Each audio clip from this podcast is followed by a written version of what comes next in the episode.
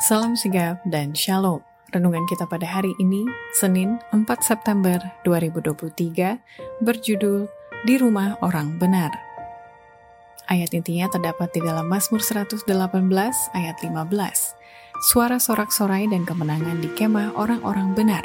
Tangan kanan Tuhan melakukan keperkasaan.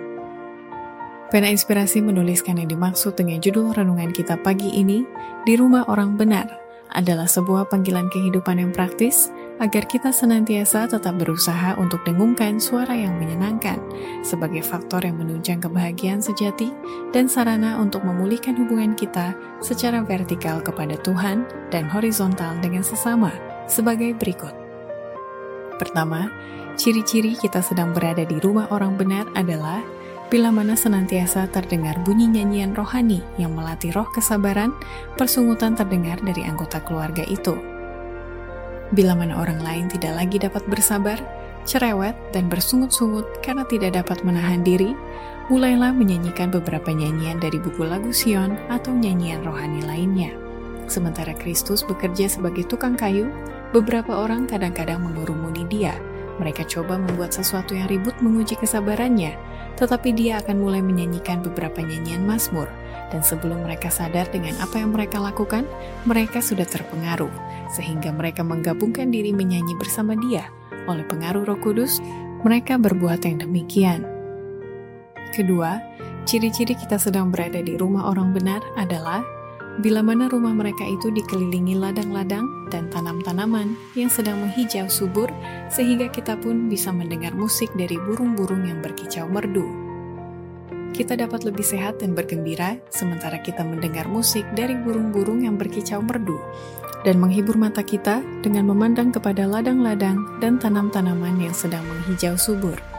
Kita harus menggunakan pikiran kita untuk mengagumi segala hal yang mulia yang telah disediakan Allah untuk dinikmati, dan dalam membayangkan pernyataan cinta kasih dan pemeliharaannya ini, kita boleh melupakan kelemahan-kelemahan kita, kemudian bersuka cita dan menaikkan nyanyian pujian dalam hati kita kepada Tuhan.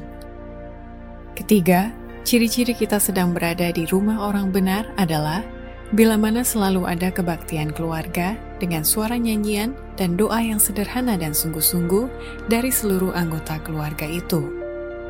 Pada kebaktian keluarga, biarlah anak-anak mengambil bagian.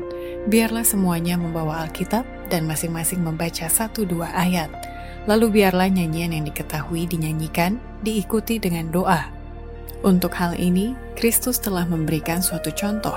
Doa Tuhan Yesus bukannya dimaksudkan diulangi hanya sekadar suatu bentuk doa, melainkan merupakan suatu gambaran tentang bagaimana seharusnya doa kita sederhana, sungguh-sungguh, dan luas artinya.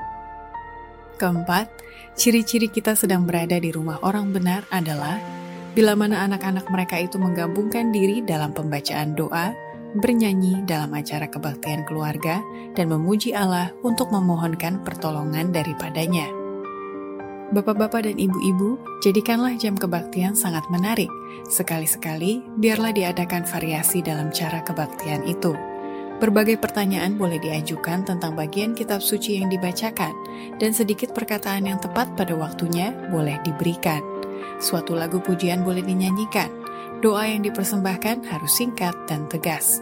Dalam perkataan yang sederhana dan sungguh-sungguh, biarlah orang yang memimpin dalam doa memuji Allah karena kebaikannya dan memohonkan pertolongan daripadanya. Kalau keadaan mengizinkan, biarlah anak-anak menggabungkan diri dalam pembacaan doa. Demikianlah renungan kita pada hari ini. Kiranya Tuhan memberkati kita semua.